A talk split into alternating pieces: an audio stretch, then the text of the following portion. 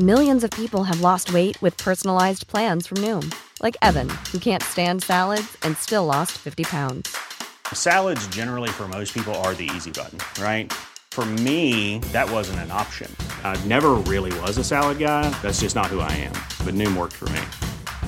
Get your personalized plan today at Noom.com. Real Noom user compensated to provide their story. In four weeks, the typical Noom user can expect to lose one to two pounds per week. Individual results may vary.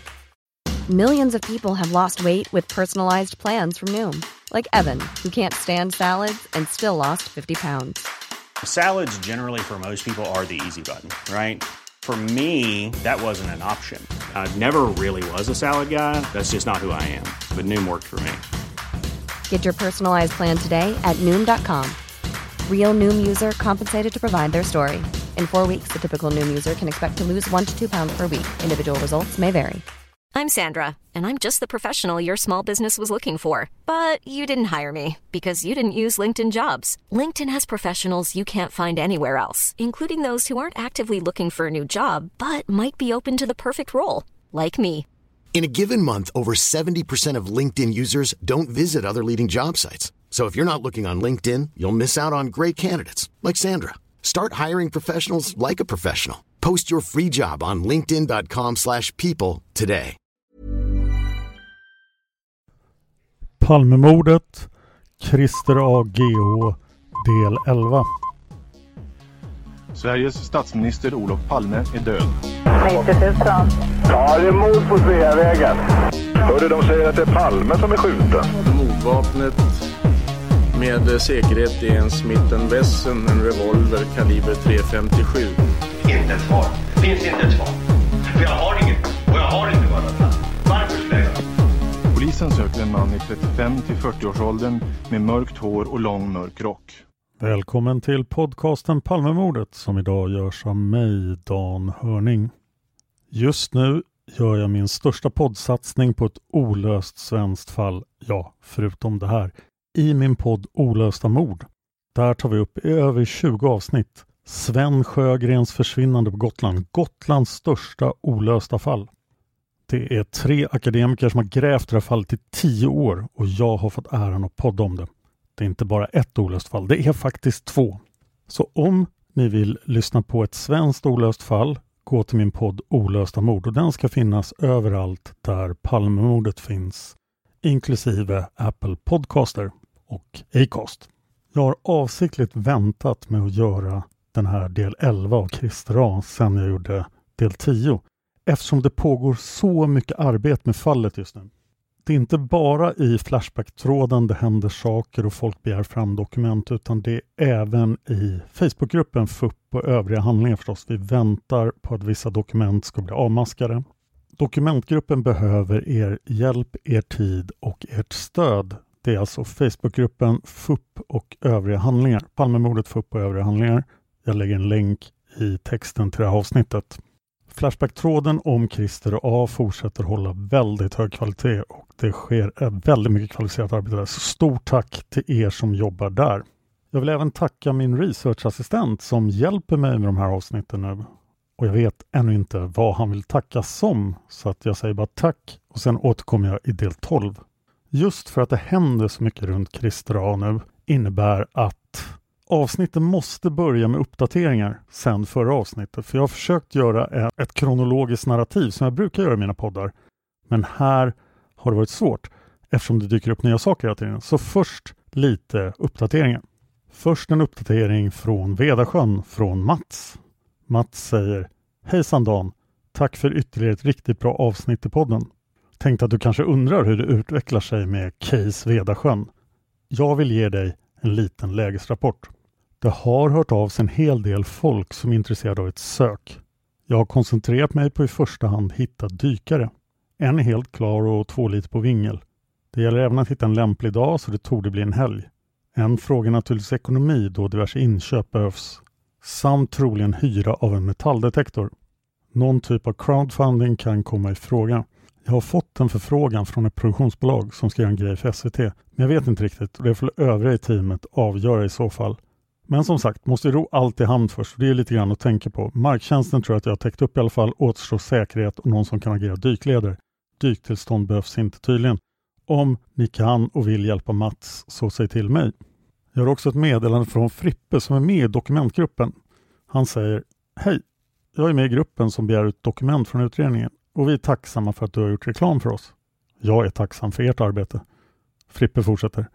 Nu har vi en domän så det är lättare att hitta till oss www.palmemordsarkivet.se Och sen kommer vi till Flashback-uppdateringen om det vi redan har tagit upp. Men först var det en ganska ovanlig. Det var Den gode två som dök upp på Flashback och Den gode två sa citat Jag kommer inte att tala om vilken relation jag haft med familjen.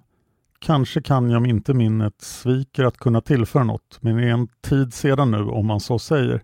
Vet ej om man pratar om Christer i släkten idag, men tidigare fanns det personer som liksom jag hade misstankar. Jag vill också passa på att säga att Christer på intet sätt var ointelligent, snarare inte så kreativ. Han kunde visst samtala på ett normalt sätt, men han kanske inte alltid startade konversationer, helst inte med främmande. Han verkar dock gått ner sig ordentligt de sista åren av sitt liv. Han var mycket lugn oftast, men en lugn vulkan som kunde få utbrott mycket plötsligt och impulsstyrt. Jag hade misstankar innan han var intressant för utredningen på grund av information som kom till mig från släkting bland annat och även innan det. Kan dock inte utan att avslöja för mycket gå in på detalj om detta. Och ja, jag har träffat Christer. Hur han såg ut långt innan mordet kan jag bara spekulera i. Det fanns nämligen inte så många foton på honom och han ville aldrig vid eventuell fotografering vara med på bild. Jag försökte faktiskt, men jag lyckades inte. Kanske att han var lite smalare ytterst lite tidigare. Men eftersom han inte brydde sig så mycket om hur han såg ut så tror jag bara han blev rundare med åren. Passfotot stämmer väl överens med hur jag kommer ihåg honom. Att han opererade ögonen kommer jag ihåg när jag läste tråden, men jag vet att han använde glasögon också. Fråga mig dock inte om när, det kommer jag inte ihåg. Känner att jag måste ta mig tid och verkligen läsa igenom tråden ordentligt en gång till. Vill inte missa någonting. Återkommer om något faktafel som jag känner till. Och det här vet vi inte om det är sant eller inte förstås eftersom det är Flashback, men många andra uppgifter som kommer från andra användare är väldigt bra och har ja, dokument har redovisats liknande. Om ni vill diskutera Christer med de här människorna, gå till Flashback och prata i tråden för Christer A. De behöver också fler duktiga människor. Fredrik säger det här att Christer hade ett extra år på gymnasiet var i Göteborg på 80-talet inte helt ovanligt kan som det sägs i programmet vara på grund av ett utbytesår, men också ganska vanligt att man hoppade av för att man riskerade att få för dåliga betyg och gick om sista året. Men vi har en annan teori också om varför Christer gick fyra år på gymnasiet. Så det kommer vi fram till sen. Roerlig på Flashback har mer att säga om Christers utbildningslinje på hösten 75. Citat. Den utbildningslinje Christer påbörjar höstterminen 75 tycks eventuellt vara inom ekonomi gissningsvis ekonomilinjen, numera civilekonom, inleds med en kurs i statistik med ekonomisk inriktning. OBS ej säkra uppgifter. Företagsekonomi kan man tänka sig var ett av få lite blåare undantag på universitetet på 70-talet. Det har också kommit fram mer information om flytten från Täby 1980. Roerlig igen skriver citat Christer tycks eventuellt lämna sin lägenhet i Täby hals över huvud den 18 april 1980. Han har inte ordnat med förvärv och tillträde av ny lägenhet utan tvingas flytta hem till föräldrarna ett tag. Ett stort omak och ej enligt gängse förfarande. Dessutom är det svårt att finna anledning till denna flytt från bostadsrätt i moderat Täby till HSB-lägenhet i Handen långt söder om stan. Misstanken infinner sig att Christer i hast flyttar efter att någonting har inträffat i Täby. Vill ej synas där. Kanske något för en hågad att kolla upp. Finns det månne något ouppklarat våldsbrott i Täby eller kanske Mörby centrum, Danderyd, februari-april 1980? Det verkar också som att Christer har haft ett förhållande under 1980 och det kommer direkt från förhören med Christers bror. Vi kommer att ta förhören i sin helhet när vi kommer fram till dem i kronologin, men så här står det i förhöret i just den frågan. På fråga om Christers förhållande till kvinnor kan inte KA, det är alltså hans bror, berätta särskilt mycket. Han känner till ett förhållande sedan mycket lång tid tillbaka. Han vet inte hur djupt det var eller hur länge det varade. Det var i alla fall kring tiden för den stora travvinsten. KA träffade aldrig kvinnan själv utan pratade vid ett tillfälle med henne i telefonen. Travvinsten var ju som ni minns i maj 1980. Ulrich Brandman på Flashback spekulerar då kring att den här kvinnan kan ha varit anledningen till Christers flytt. Citat. Brodern säger att Christer var i kontakt med en kvinna under denna tid. KA träffade henne aldrig men pratade med henne i telefon. Kanske var det anledningen till Christers flytt. Roerlig svarar citat det måste ha varit Christers egen lägenhet från 1975 och denna kvinna var där ibland 79-80 någon gång. Torde ej kunna förklara den hastiga flytten. Den kvinnan vill man ha tag på. Enda möjligheten är om hon varit skriven i Christers lägenhet. Finner det varande ej troligt men ska försöka kolla upp saken. Ulrich Brandman fortsätter citat, de kanske inte har bott tillsammans men antar att det var hans granne eller någon annan som man inte kunde undvika. För någon som Christer kan det vara en anledning att lämna snabbt. Roelig svarar citat jag tror det kan uteslutas att Christer skulle börja prata med och inleda en relation med en granne eller någon annan främling i närområdet. Däremot hade han någon form av socialt liv med studier och föreningsliv under sin tid i Täby. Han blev rekommenderad till APK, alltså skytteföreningen. Jag gissar att han träffade kvinnan i samband med juridikstudierna på höstterminen 79, ett försök att en gång ha ett förhållande. Det har också kommit fram massor av intressanta uppgifter om vapnet. Men det är så komplicerat att det förtjänar sitt eget avsnitt. Vi ska ta det i slutet av den här serien. Vapnet och kulorna. För det är väldigt, väldigt mycket saker där som jag inte kände till tidigare. Det har också påpekats att Christer A och Stig Engström bodde i Täby samtidigt. Det tror jag inte man kan göra särskilt mycket av, men Christer bodde alltså i Täby mellan 75 och 80 och han bodde i den centrala delen i en lägenhet medan Stig Engström bodde i den norra delen i en villa. Det finns också en bild från Kaknäs när skytteklubben är ute och skjuter där. Den är från 1983 och den är maskerad. Omiga på Flashback säger citat Christer A poserar med sin Smith Wesson tillsammans med två andra medlemmar i APK på Kaknäs skjutbana 1983. Bilden är maskerad men den allmänna kroppskonstitutionen framgår. Allmänna intryck som förstås påverkas av bildens dåliga kvalitet. Som 31-åring är Christer betydligt smalare, normalviktig än senare bilder från 1995. Han är möjligen koben. Han bjuder inte på klubbens coolaste pose. Tankarna går till Flexness, men den uppfattningen är förstås färgad. Beroende på bildens kvalitet och original kan man möjligen dra en del slutsatser om vapnet. Christer håller handen över greppet, eventuell diamantinfällning osynlig. Men om vapnet har ett färgat korn kan man dra vissa slutsatser om årsmodell. Det borde också gå att bekräfta att det rör sig om en modell 27 om man ser överdelen av pipan. Användaren Bemp kommenterar på Flashback Travvinsten gick inte till schyssta jeans. Tack för bilden. Det är ju så klent med fotomaterial på Christer att allt känns som Klondike. Som sagt, han var ju uppenbarligen rätt finlämmad vid den här tiden. Det verkar alltså som att Christer var smalare 1986 än vad han var på 90-talet. Användaren Sumer på Flashback säger citat Jag har förstått att Christer var en ensamvarg, men vilka närmare kontakter hade han egentligen? Släktingar? Medlemmar i skytteklubben? Flickvän? Anser ni att han är en sådan person som skulle kunna hålla tyst om man hade utfört ett mord på en statsminister? Roerlig svarar citat Han umgicks en del med sin bror och föräldrarna men kan inte påstås ha stått någon särskilt nära. De var mycket okunniga om hans förehavanden. Han kan ha haft kontakt med någon kusin, tillbringade en del tid på skytteklubben men ansågs av samtliga där vara udda och enstörig, deltog vid klubbfester. Hans närmast förtrolige kan ha varit en person på skytteklubben som vi kallar för O. De umgicks privat, även om denne O nekade till det. Inga kända flickvänner utom möjligtvis vid ett tillfälle 1980 enligt brodern. Modern säger att han aldrig har pratat om någon kvinna. Om någon skulle kunna tiga om en sådan gärning är det nog Christer A. Han kan också ändra sin livsföring, parentes förskansa sig i lägenheten, slutparentes, efter mordet utan att någon reagerar då han saknade jobb och umgänge. Det som sätter avtryck är att han efter februari 86 plötsligt uteblir från samtliga styrelsemöten i skytteklubben. Och det ska vi prata om i narrativet också. Roerlig har också slagit i ett antal register om Christer. Vägtrafikregistret. Christer saknas. Det har ej funnits fordon registrerade på honom. Körkortsregistret. Vägtrafikregistret. Christer saknas. KTH. Christer troligen aldrig antagits eller sökt. Handelshögskolan. Christer troligen aldrig antagits eller sökt. Länsrätten, nu förvaltningsdomstolen.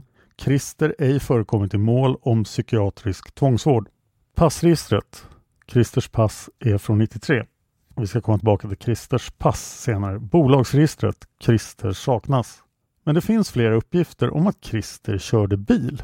Om det säger Roelig borde varit tydligare med att saknas register är förenligt med att ha funnits i den men gallrats ut, särskilt vad gäller så gamla uppgifter.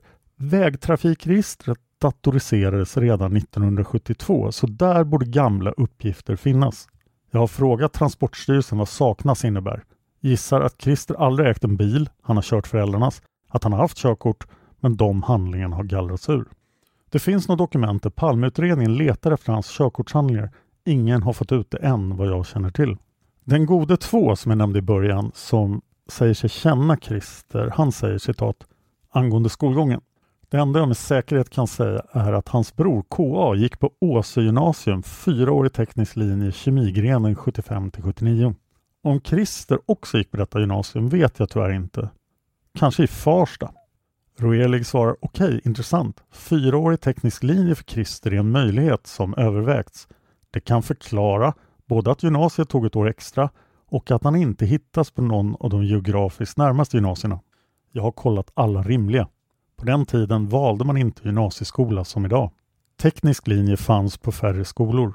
Han kan förvisso ha hamnat i andra delar av stan även på grund av platsbrist i närområdet. Han har uppgett NA-linje och teknisk linje var inte en del av NA på den tiden, alltså naturvetenskaplig.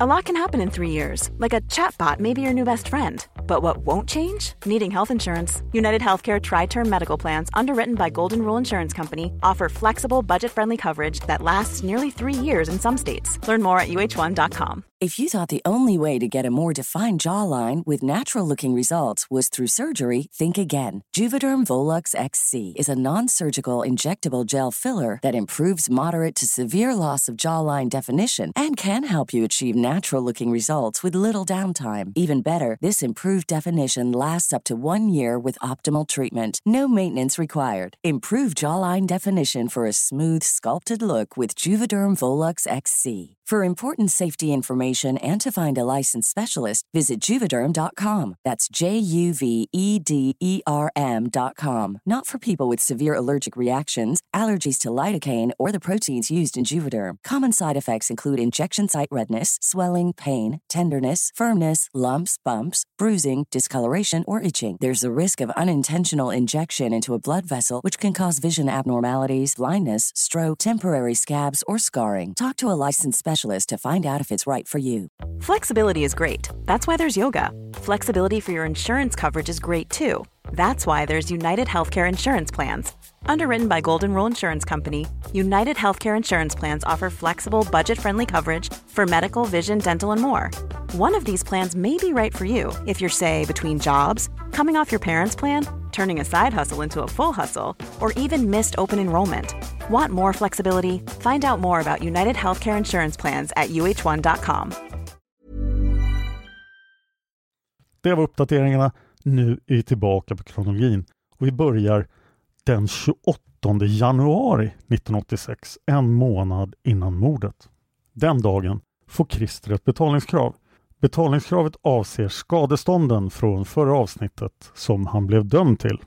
Dagen efter, den 29 januari 1986, är det styrelsemöte i APK.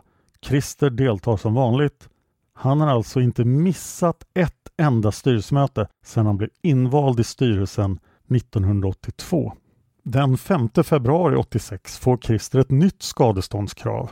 Det finns en fil från Kronofogden men den kan jag inte läsa upp här för den är nämligen väldigt maskerad och då kommer jag sitta och säga censur, censur hela tiden. Och som sagt, det pågår ett arbete för att få ut de här dokumenten utan så mycket censur. Men källan här är alltså Kronofogdemyndigheten. 1986 får Christer det lägre åtalsmärket guld med två stjärnor för sitt skytte. En anteckning säger precisionsskyttemärket guld med två stjärnor. Innehavare av precisionsskyttemärket guld med en stjärna som under tre år oavsett om i följd eller ej och nio uppfyllt fordringarna för precisionsskyttemärket guld. Akademiska pistolklubben har 40 medlemmar 1986. Det är en ökning med 12 medlemmar. Pistolklubben växer kraftigt men Christer kommer snart att tappa lite av sin entusiasm. och engagemang i pistolklubben. Resterande delen av året är Christer frånvarande från alla aktiviteter inklusive träningar och tävlingar. Han återkommer 1987. Det innebär alltså att Christer inte deltog i klubbmästerskapen 1986 trots sina segrar 1981 och 1985. I februari 1986 flyttar Christers bror KA till Trångsund och han säger i förhör att Christer har hjälpt till med flytten. Han hyrde bil, körde och hjälpte till att bära under sista veckan i februari. Christer var med och skruvade upp spegeln en tredje gång på morddagen eller någon dag dessförinnan. Han noterar inte att Christer har någon influensa eller uppträder konstigt på något sätt på en direkt fråga. Brodern KA vet inte vad Christer gör på mordkvällen. Dagen efter mordet kliver KA upp och ser HSB-flaggan på halv stång och han har då flyttat in i sin lägenhet i Trångsund den 1 mars. Christer kommer senare dementera det och det här kommer vi gå in på mycket djupare när vi kommer till förhören. Christer säger i förhör att han har legat hemma i influensan 10-14 dagar sammanlagt före efter mordet. Och han säger det ett år innan KA förhörs. Någon tredje spegeluppsättning har aldrig skett enligt Christer. Han förklarade med att brodern kanske har försökt att ge honom ett alibi som han inte har begärt. Och Miga säger från sammanhanget i övrigt verkar det som att man pratar om flytten 1986 men det går inte att utesluta att man pratar om flytten 1982 då KA flyttar in på Vallavägen och Christer till Hälsingegatan. Det sker också samtidigt. Spegeln monterades även där och då. Men tillsammans med Astrids vittnesmål, som vi kommer till senare, verkar det ändå som att Christer har mellanlandat på en adress som han inte var skriven på direkt efter mordet. Men det behöver inte vara så, det är fortfarande öppet. Det som talar för att Christer inte flyttade precis samtidigt som KA86 är att KA inte tar upp det när han berättar om flytten till Trångsund. Om flytten skedde samtidigt borde han ha tagit upp det. Men om Christer flyttat i samband med mordet bör han ha gjort det någon gång senare i anslutning till, det vill säga en, två veckor in i mars. Annars måste han ha planerat, ifall han var gärningsman, både mordet och flytten innan, vilket kan uteslutas, tycker Omiga. Roerlig säger KA får tillträde till sin nya lägenhet i Trångsund 860218 och det här finns dokumenterat. KA har förmodligen då alltså ej misstagit sig beträffande sin uppgift om flytttiden just innan mordet som Christer var behjälplig med. Roerlig avslutar med vi kan därmed sluta oss till att Christer ljuger om sina förehavanden vid tiden för mordet på Olof Palme. Den 28 februari 1986 skjuts Sveriges statsminister Olof Palme, som ni kanske vet. Vad exakt Christer gjorde den kvällen, det kommer bli föremål för resten av den här serien. Alla förhören, när vi kommer fram till dem, de börjar 94. En uppgift från en person som säger sig ha träffat Christer är att han alltid är klädd i en trefjärdedels lång mörk rock av tunt material, en mörk stickad mössa, typ gökboet och matchande mörka byxor. Vet inte någonting om skor, men han bar ibland stålbågade glasögon och hans synfel var minus 4 dioptrider och minus 2 dioptrider. Han bar fortfarande exakt samma kläder långt in på 90-talet. Så Palme är död och Hans Holmér tar över utredningen. Omiga säger citat Allmänt kan vi konstatera att det första tillfället att identifiera och förhöra Christer växer fram under söndagen den 2 mars 1986. Allmänheten har under helgen hittat två kulor från en ovanlig ammunition, Winchester Super X Metal Piercing. Hans Holmér berättar i Aktuellt att vapnet förmodligen är av fabrikatet Smith Wesson. Vidare är det känt att makarna Palme har bestämt sig för att gå på bio någon gång under eftermiddagen. Gärningsmannen har förmodligen sett makarna Palme gå in på biografen Grand. Det finns ungefär 600 vapen av den aktuella typen registrerade i Stockholms län och ytterligare tiotal som anmälts stulna eller förekomna i hela riket. Riksrevisionen får i uppdrag att granska PU och de är tämligen säkra på att mordvapnet är just en Smith Wesson 357 av följande skäl därifrån sid 55 och 56 i riksrevisorernas rapport. Svenska SKL, amerikanska FBI och tyska BKA lyfter fram Smith Wesson 357 Magnum som det mest troliga mordvapnet. Men de utesluter inte mindre vanligt förekommande revolvrar från Spanien och Brasilien. Smith Wesson har vid tidpunkten för mordet en marknadsandel på 96-97% i segmentet revolvrar kaliber .357 i Sverige. En analytiker på BKA utesluter med 95% sannolikhet andra vapentyper än Smith Wesson baserat på tekniska observationer. Ekots signalement på mordnatten 01.10 är alltså polisen söker man i 35-40-årsåldern med mörkt hår och mörk lång rock med tillgång till en Smith Wesson 357 Magnum. En av dessa män heter Christer A. Han bor en tunnelbanestation eller en kvarts promenad från biografen Grand. För tre månader sedan dömdes han för djurplågeri av Handens tingsrätt. Den här informationen hade polisen kunnat få upp på sina skärmar genom grundläggande inre spaning på kvällen den 2 mars 1986. Vad man inte känner till är att Christer saknar alibi och är bekant med den ovanliga ammunitionen som inte ens polisens tekniska rotel har tillgång till i den bank av jämförelsematerial bestående av cirka 500 kultyper. Men det kommer att ta åtta år innan Christer förhörs om sitt vapeninnehav. Rickard säger citat Lite halvintressant att han lämnar skytteklubben just 1986 också. Trots att APK har varit hans stora fritidsintresse är alltså Christer frånvarande från APKs alla aktiviteter, vilket medlemmarna uppmärksammar inklusive träningar och tävlingar. Styrelsen i APK bör ha förstått att omständigheterna runt Christer var märkliga 1986. De känner till hans vapeninnehav och hans plötsliga frånvaro.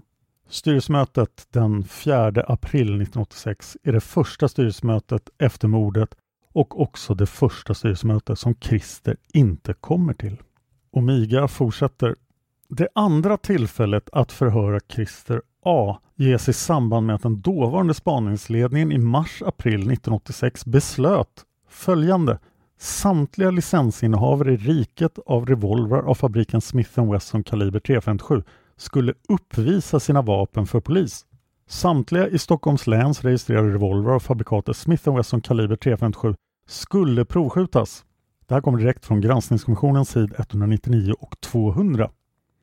Men någon utvärdering av de insamlade uppgifterna kom inte att ske och någon systematisk provskjutning genomfördes inte i denna tid, konstaterar Granskningskommissionen. Omiga. Den 11 april 1986 får Sten G ett besök av Palmeutredningen i sin lilla vapenbutik Sportskyttematerial AB på Riddargatan 8 i Stockholm. Sten uppger att han är generalagent för Hemmerli och Sig Sauer och att han för övrigt endast umgås med seriösa vapenintressenter. Sportskyttematerial AB har denna dag 55 stycken vapentillstånd enligt Stockholms juridiska tillståndssektion. Och vi ska återkomma till Sten G och Sportskyttematerial AB när vi pratar om vapnet i slutet av de här avsnitten. Kat 85 vill dock påpeka citat. Vet inte om det har någon koppling, men det är intressant att Sportskyttematerial är generalagent för just Sig Sauer. Polisman A, som vi har gjort en massa avsnitt om. Jag sammanfattar Katos inlägg här. Men Polisman A var en av dem som upphandlade polisens nya tjänstepistol. Sig Sauer vilket datum polisen fick sina Sig är lite otydligt enligt Kato 85 men årtalen 87-88 verkar vara mest korrekt. Och det hade med det där samurajmannen, men det pratade de om i Polisman avsnitten. Så att det borde ha påverkat sportskyttematerial ganska mycket. Det verkar som att sportskyttematerial var generalagenturen för SIG Sauer fram till 91. Frågan är om i sig polisens upphandling går via generalagenten.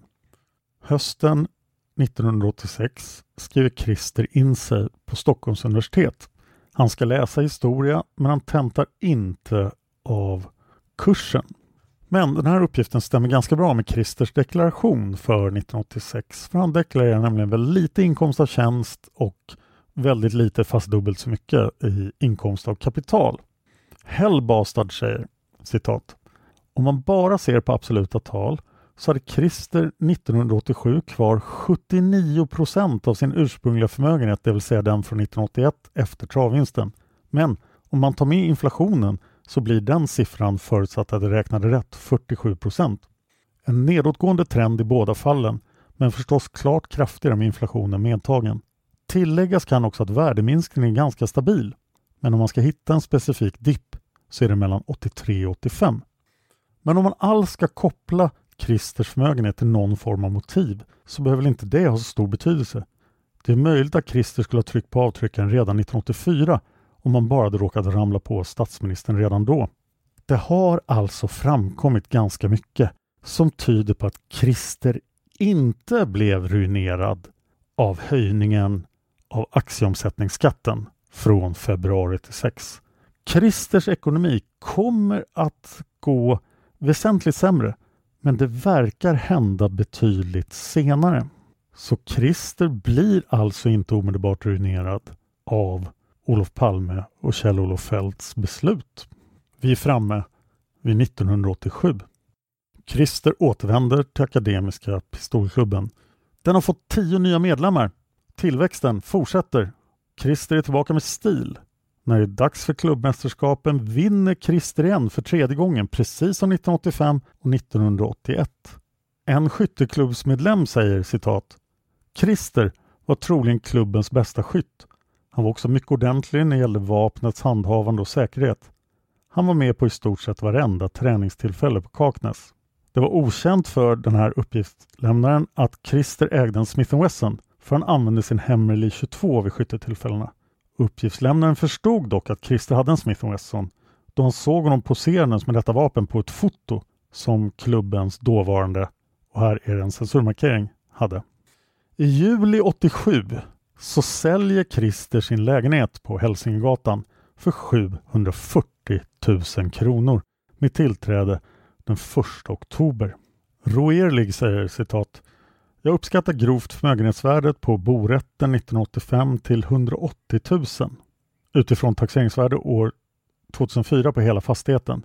Uppskattad andel av föreningen och prisutvecklingen bostadsrätter i hela riket 85 till 04. Christer sålde vid en hyfsad tidpunkt. Bra uppgång från 1980 som tog fart först 1985 och hade hunnit bubbla iväg lite 87 när han sålde. Därefter skenade priserna med den tidens mått och låg som högst 1989 för att därefter falla sju år i rad. Juli 1987 var alltså ett riktigt bra tillfälle att sälja om man ville sälja sin lägenhet men det är ganska lång tid efter Palmemordet. Den 15 juli 1987 får Christer tillträde till Huggarvägen 9 i Västra Haninge. En lägenhet han har köpt för 225 000 kronor. Man kan anta att köpet då skedde ett tag innan för man brukar få vänta på tillträde. Lookalike på Flashback säger citat vi vet dock att Christer ingalunda är pank 1987. Visserligen är det troligen pengar från försäljningen av lägenhet på Hälsingegatan. Men det är trots detta ögonbrynshöjande det nedköp som Christer villigt gör genom att flytta till ett oattraktivt område i Västerhaninge. Det finns ju väldigt många släktingar till Christer som inte kan förklara detta. Man kan hårdra det genom att spekulera i att känslan för att försvinna blir större som i ett område som det som Christer flyttar till. Vad jag begriper modell miljonprogram med liknande byggklossar jämte varann. Men det är bara min spekulation. Dock kan man sluta sig till att Christer sommaren 87 har råd att flytta till ett mycket mer attraktivt område än det som han verkligen flyttar till. Orsaken till varför han valde som han gjorde begravdes dock nog år 2008 tror jag. Kyrkobokföringen uppger att Christer skriver sig på Huggarvägen 9, alltså i sin nya lägenhet, den 18 augusti 1987 den 1 oktober tillträder nya köparen i Christers gamla lägenhet på Hälsingegatan. Roerlig säger citat Christer flyttar från Hälsingegatan ett och ett halvt år efter mordet. Det känns inte som en omedelbar flykt. 1987 vågar han se ut igen dessutom. Jag tror att han antingen har tryckt in i lägenheten ett helt år, gått ut för att handla och inget annat, sedan sålt den 1987 eller så har han flyttat till ett tillfälligt boende utanför innerstaden ganska omgående efter mordet. En förhörd kusin anför Christers flytt efter mordet som något som gjorde honom misstänksam och då borde den ha skett tidigare än hösten 87. Dessutom har Christer vid tidigare tillfälle hastigt flyttat till en tillfällig bostad när han av någon anledning övergav Täby våren 80. Det finns ingenting som antyder att flytten skulle ha företagits på grund av ekonomiskt trångmål. Det skulle i så fall vara att han gjort förlustaffär vid sidan om som inte har gjort avtryck i taxeringen den taxerade förmögenheten var intakt 1986. Det kan möjligen vara så att Christer och skytteklubbsmedlemmen O pysslat med sliriga affärer och förlorat stora summor. Angående höjningen av omsättningsskatten på aktier tror jag att den på sin höjd var lite krydda på ett latent motiv tillsammans med betalningsföreläggandet i februari 86 gällande de böter han fick efter hundsparken och vägrade betala. Jag gissar att anledningen till den till synes omotiverade flytten var relaterad till mordet, även om det är svårt att reda ut förloppet. Slutcitat. Någon gång innan 1988 så gör KA slut med den här sambon nummer två. Hon som ville att spegeln skulle monteras i Trångsund. Men vi kommer tillbaka till det när vi kommer till förhören. Christers deklaration för 87 ser fortfarande ganska stabil ut. 1988 kommer Christer tvåa på klubbmästerskapen i APK och han deltar på alla styrelsemöten. KA ger inte upp utan han skaffar sig en ny sambo, sambo nummer tre, som han är sambo med mellan 88 och 95, alltså Christers bror. Hon flyttade till Stockholm redan 86 och bor inledningsvis i personalbostäderna vid Karolinska. Den 5 december 1988 så erkänner en medlem i Akademiska Pistolklubben, medlem I, han erkänner mordet på Olof Palme. Men vid senare förhör 1995 så kommer han inte ihåg att han har gjort det. 1989 bestämmer sig Christer för att börja studera igen. På vårterminen går han en fristående kurs på Stockholms universitet, grundkurs i engelska, 30 högskolepoäng. Det går inte bra. Han klarar inte av kursen, men han verkar ha klarat av 9 poäng enligt det nya systemet, vilket borde vara 6 poäng i det dåvarande systemet. Källan för det här är Stockholms universitet. Det finns också uppgifter om att Christer tar jägarexamen under 89. Sen kommer de årliga klubbmästerskapen i APK igen. Christer deltar i vårtävlingen med grovpistol. Han vinner klubbmästerskapen i APK igen. Det är Christers fjärde vinst. Han vann alltså 89, 87, 85 och 81. Han har nu fullständigt cementerat sin plats som APKs bäste skytt. Han är fortsatt aktiv i styrelsen och han missar inte ett enda styrelsemöte. Han vinner också vårtävlingen i grenen grovpistol. Hans Hemmerly är inte en grovpistol. Så användare Xetium på Flashback säger citat om det är riktigt så här vad vi vet så har alltså ingen sett Christer med hans 357 Magnum mellan 1985 och våren 1989. Det kan ju tolkas som att Christer först våren 89 åter börjar känna sig bekväm vid att visa sig med sitt vapen. Det är ju då som Christer Pettersson sitter frihetsberövad i väntan på rättegången i tingsrätten med påföljande fällande dom. Christer kanske känner sig lättad och fri från misstankar. När Christer Pettersson frias i hovrätten blir återigen lite obehagligare för Christer A. Det var kanske inte så lätt att veta i vilken utsträckning som Palmeutredningen satt fast i Christer Pettersson-spåret och hur mycket de intresserade sig för andra spår. Kato 85 säger citat Den rimligaste förklaringen är att Christer till slut valt att göra sig av med revolvern efter att första inkallelsen för provskjutning inkom i januari 1990 kort efter Christer Petterssons friande i hovrätten. Det faktum att Christer inte ens bemödade sig besvara förfrågan tyder än mer på att han ville undvika Palmeutredningen så långt det låtit sig göras. När Palmeutredningen äntligen i januari 94 ringer upp Christer och denne svarar i telefonen så inser han att det inte längre går att undkomma Palmeutredningen. Slutcitat. Den 21 juni 1989 köper Christer två nya vapen. Eller han köper vapen som är nya från honom i alla fall, de kan ha varit begagnade. Han köper en Saco Hunter Moritz från Vidfors AB i Haninge och han köper en Beretta M626 från Häst och Skyttehörnan AB i Haninge. När jag googlar på de modellerna så verkar båda vara gevär. Berättan är ett hagelgevär. Omiga säger det tredje tillfället för Palmeutredningen att förhöra Christer A var hösten 1989 när de tar ett förnyat beslut, de påbörjar arbetet med provskjutning, de upprättar en lista med 429 tänkbara vapen och de skickar ut kallelser till samtliga berörda vapenägare. Palmeutredningen gör en slagning på Christer A i oktober 1989. Av slagningen framgår det att Christer har dömts för djurplågeri. Christers ekonomi för 1989 ser fortfarande bra ut. Hans taxerade förmögenhet har till och med ökat. Omiga säger Någonting tycks hända 1990. Synd att just det året saknas åt Skatteverket. Något drastiskt inträffar som är utöver att aktier går dåligt och allmän 90-talskris. Allt verkar utraderas på ett bräde.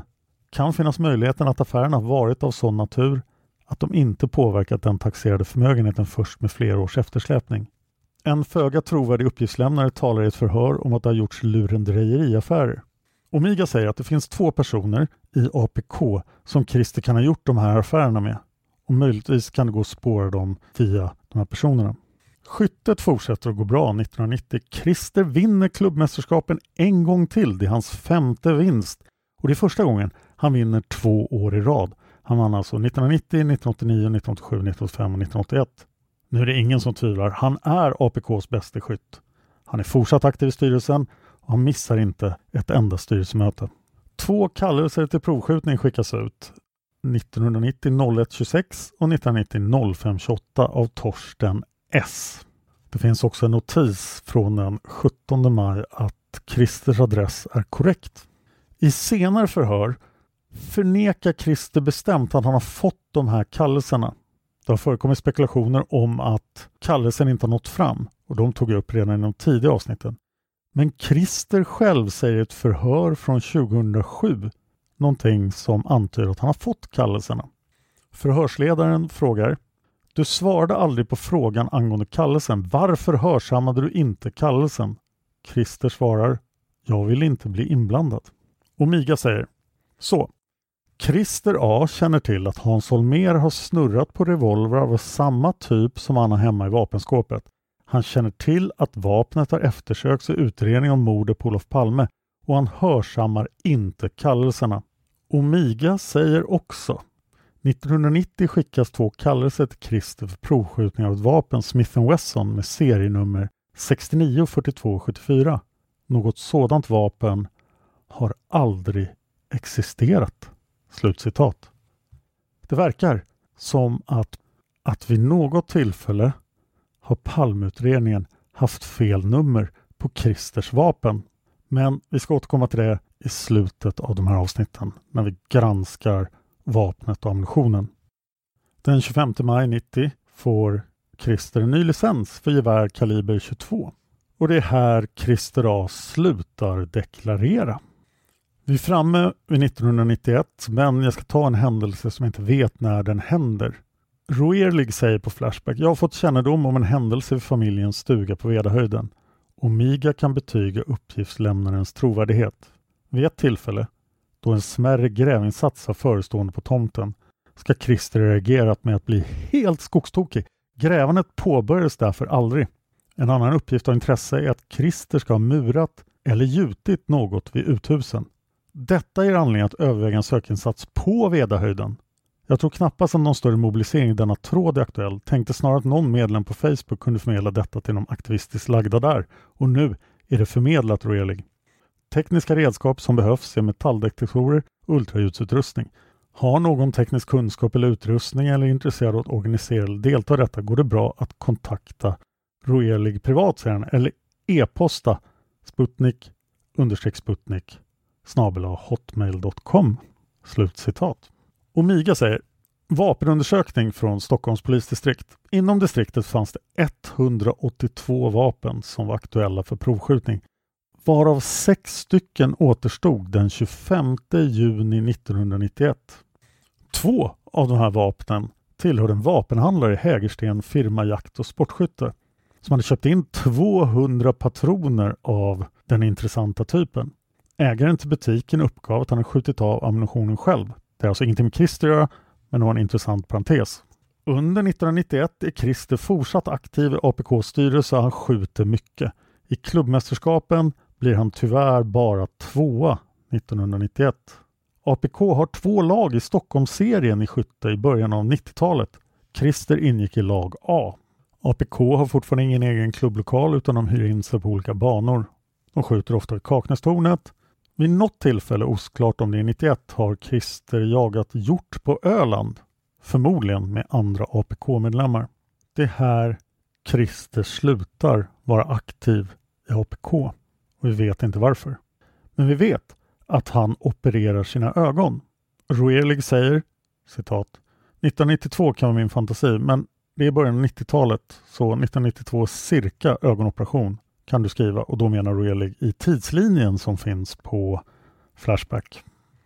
Christer deklarerar inte 1991. Och här finns det flera tecken på att någonting börjar gå riktigt illa i Christers liv. Vi ska lämna honom där, sluta 91, början 92. I nästa avsnitt kommer vi fortsätta kronologiskt. Jag kommer att ta nya uppdateringar.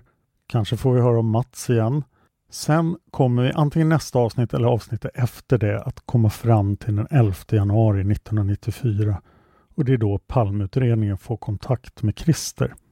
Sen kommer de här avsnitten att övergå i lite mer traditionella förhörsavsnitt. Men det här kommer att ta tid och vi kommer att ta den tiden för att få fram så mycket som möjligt om Christer. Nästa avsnitt kommer inom någon månad beroende på vad som händer.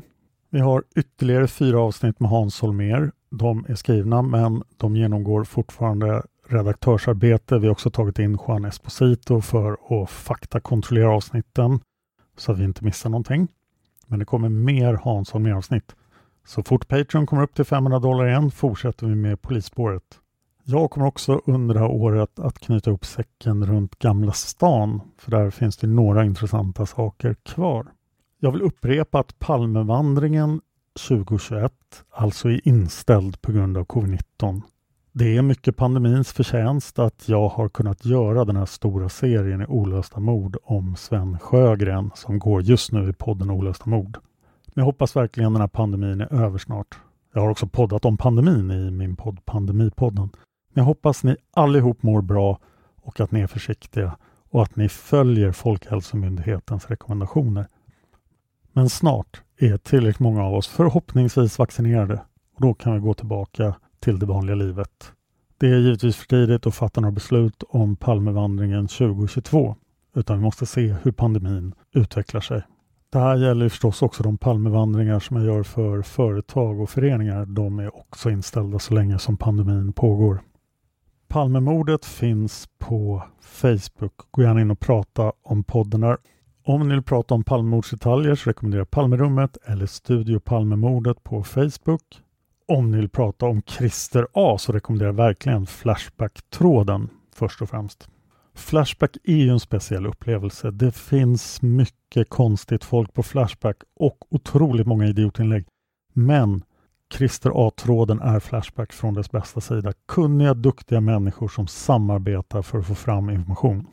Jag finns på Twitter och Instagram. Jag heter Dan Hörning så jag är lätt att hitta. Vi vill jättegärna ha iTunes-recensioner. Om du lyssnar på en Apple-device så ge oss iTunes-recensioner. Kom och läs dem i podden. Tack till alla som sponsrar Palmordet på Patreon. Tack till min researchassistent som har gjort en fantastisk insats. Tack till Lookalike, Omiga, Roeli och alla andra duktiga människor i Flashbacktråden. Tack till expertgruppen och tack till dig för att du lyssnar på Palmemordet. Man hittar Palmes mördare om man följer PKK-spåret till botten. För att ända sedan Julius Caesars tid har det aldrig hört talas om ett mord på en framstående politiker som inte haft politiska skäl. Polisens och åklagarens teori var att han ensam hade skjutit Olof Palme. Och det ledde också till rättegång. Men han frikändes i hovrätten. Nu ska vi ut på rövarstråt. Ja, vi ska ut och röva. A lot can happen in the next three years. Like a chatbot may be your new best friend. But what won't change? Needing health insurance. United Healthcare Tri Term Medical Plans are available for these changing times. Underwritten by Golden Rule Insurance Company, they offer budget friendly, flexible coverage for people who are in between jobs or missed open enrollment. The plans last nearly three years in some states, with access to a nationwide network of doctors and hospitals. So, for whatever tomorrow brings, United Healthcare Tri Term Medical Plans may be for you. Learn more at uh1.com. Even when we're on a budget, we still deserve nice things. Quince is a place to scoop up stunning high end goods for 50 to 80% less than similar brands. They have buttery soft cashmere sweaters starting at $50, luxurious Italian leather bags, and so much more. Plus, Quince only works with factories that use safe, ethical, and responsible manufacturing. Get the high-end goods you'll love without the high price tag with Quince. Go to quince.com/style for free shipping and 365-day returns. Here's a cool fact a crocodile can't stick out its tongue. Another cool fact you can get short term health insurance for a month or just under a year in some states. United Healthcare short term insurance plans are designed for people who are between jobs, coming off their parents' plan, or turning a side hustle into a full time gig. Underwritten by Golden Rule Insurance Company, they offer flexible, budget friendly coverage with access to a nationwide network of doctors and hospitals. Get more cool facts about United Healthcare short term plans at uh1.com.